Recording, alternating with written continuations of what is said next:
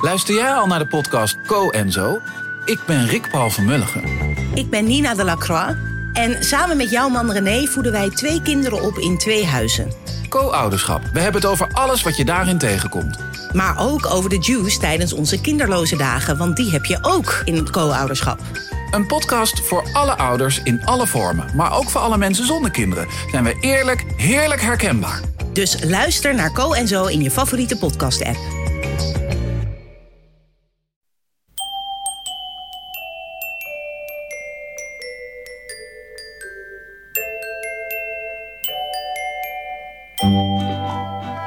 Welkom bij aflevering 397 van Echt Gebeurd, de podcast waarin mensen hun eigen waargebeurde verhalen vertellen. Deze week een verhaal dat Toby Lakmaker in oktober vertelde tijdens een verhalenmiddag rond het thema leugens.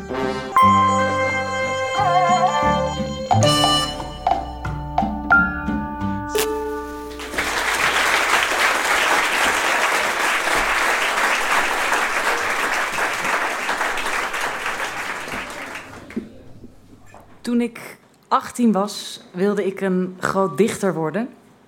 Maar voor het zover was, werkte ik in de Bagels and Beans. Voor niet al te lange tijd, want na ongeveer een maand ben ik ontslagen.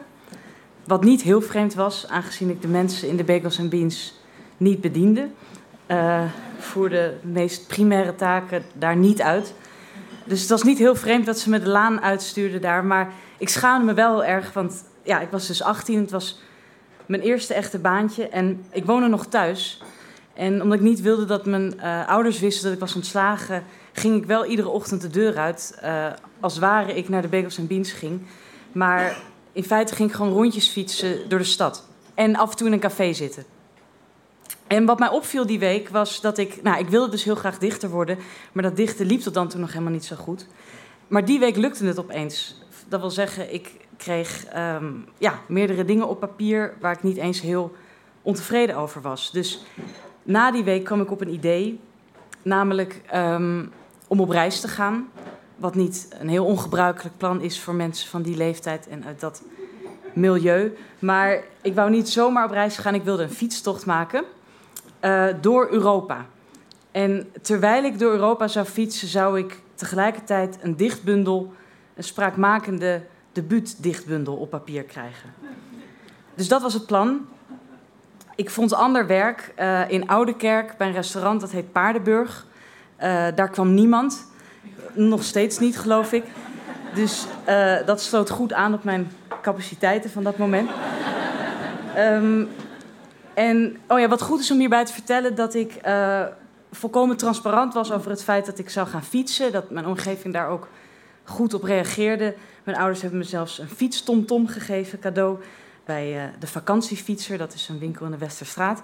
Maar het feit dat ik zou gaan dichten was volkomen geheim. Om het simpele feit dat ik dat zo graag wilde dat ik niet eens durfde te vertellen dat ik het aan het proberen was.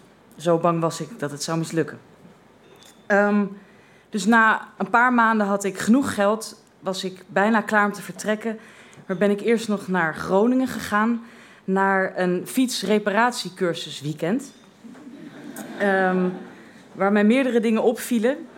Ten eerste was het een fietsreparatiecursus weekend voor beginners.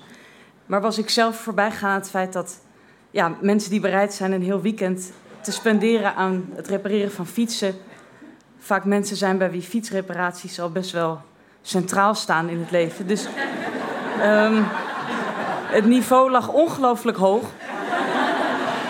Uh, ik kwam helemaal niet mee. Uh, net zoals de eerste spreker kon ik uh, nog geen band plakken eigenlijk. Maar iets belangrijkers dat me opviel was dat ik... ja, ik hoorde de verhalen daar van mensen. Het waren natuurlijk allemaal mensen die al vaker op grote reizen waren, fietsreizen geweest. En langzaam maar zeker begon het op me door te dringen hoe, ja, hoe intensief eigenlijk zo'n reis wel niet is. En dat het misschien al een wonder was als het me lukte om zoiets in mijn eentje te voltooien. Laat staan dat ik uh, ja, ook nog een hele dichtbundel op papier zou krijgen. Dus na dat weekend uh, realiseerde ik me eigenlijk twee dingen. Namelijk A, dit kan niet. En B, ik kan ook eigenlijk niet meer terug. Um, wat een realisatie was die ik later nog wel vaker zou hebben in dit leven. Maar um, Dus vanaf dat moment zat ik in mijn optiek althans helemaal klem. Dat ik dacht, ja, als ik aan mensen vertel, ik, ik kan niet gaan fietsen, want dat, dat werkt niet bevorderlijk voor mijn dichten, dan zou ik eerlijk moeten zijn over het feit dat ik wilde dichten. En dat was ja, iets wat koste wat kost geheim moest blijven. Dus ja, vanaf dat moment ehm, bleef ik aan mijn omgeving weliswaar vertellen dat ik ehm, weg zou gaan, dat ik dan en dan op de fiets zou stappen. Maar uh, in werkelijkheid ging ik terug naar de Westerstraat, naar de vakantiefietser, om mijn fietstomtom terug te brengen. Uh, want, zo had ik bedacht, ging ik niet meer fietsen, zou ik uh, per trein afreizen naar Zuid-Frankrijk, om daar zelfvoorzienend langs een rivier te gaan leven en dan in een tent die gedichten op papier te krijgen. De dag van vertrek, kunnen jullie misschien voorstellen, was tamelijk zenuwslopend. Want ik had, nou, ik had aan mijn omgeving verteld dat ik vrienden had gemaakt op het fietsreparatiecursus weekend. Vrienden uit Maastricht, van wie ik dan een fiets kon lenen. En op die manier had ik gecoverd dat ik uh, in ieder geval niet fietsend Amsterdam hoefde te verlaten. Ik dat wel met de trein kon doen. Maar in feite nam ik niet de trein naar Maastricht, maar naar Antwerpen. Uh, van waaruit ik dan verder door zou reizen naar het zuiden. Uh, in Antwerpen checkte ik in een hostel waar ik na ongeveer 30 minuten een paniekaanval heb gekregen. Um, niet in de laatste plaats omdat ik was vergeten dat je... Ja, je ligt niet één keer in zo'n situatie. Je ligt eigenlijk onophoudelijk. Je vertelt niet één keer ik ga fietsen en dan doe je het toch niet. Maar er bleef natuurlijk gewoon appjes binnenkomen van... Hoe gaat het nu? Hoe is het weer? Zie je al bergen? Uh, dus ik begon het langzaam maar zeker te verliezen. Um, en toen na een paar uur in dat hostel heb ik mijn uh, toenmalige vriendin ge-sms'd. Uh, ik was zeg maar zodanig geparalyseerd door angst dat ik alleen nog maar haar naam kon sms'en. Uh, waarop zij natuurlijk weer heel erg in paniek raakte.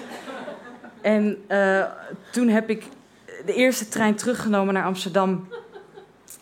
waar ik huilend heb aangebeld alles heb opgebiecht, het verhaal zoals ik het nu aan jullie heb verteld, uh, van A tot Z ook bij haar heb neergelegd. En uh, toen hebben we iets verzonnen wat wij uh, de compromisleugen noemden.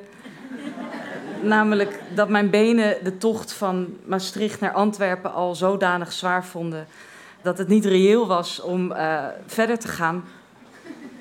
En zo ben ik nooit gaan fietsen.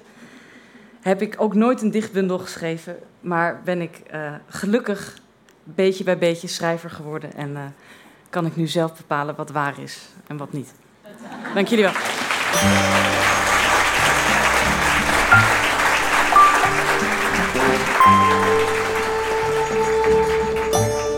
Dat was een verhaal van Toby Lakmaker. Toby schreef in 2021 een legendarisch boek en laat ons weten dat op een gegeven moment opnieuw te zullen doen. Dat eerste legendarische boek, en dat is dus echt een enorme aanrader, heet De geschiedenis van mijn seksualiteit en is verschenen bij uitgeverij Dasmag. De redactie van Echt Gebeurd bestaat uit Micha Wertheim, Renette Kwakkenbos, Tom van Rooyen en mijzelf, Paulien Cornelissen. Productie doet Hanna Ebbingen, zaaltechniek Jasper van Oorschot, podcast Gijsbert van der Wal. Dit was aflevering 397. Tot volgende week en vergeet niet: A. Dit kan niet, maar B. Je kunt ook niet meer terug.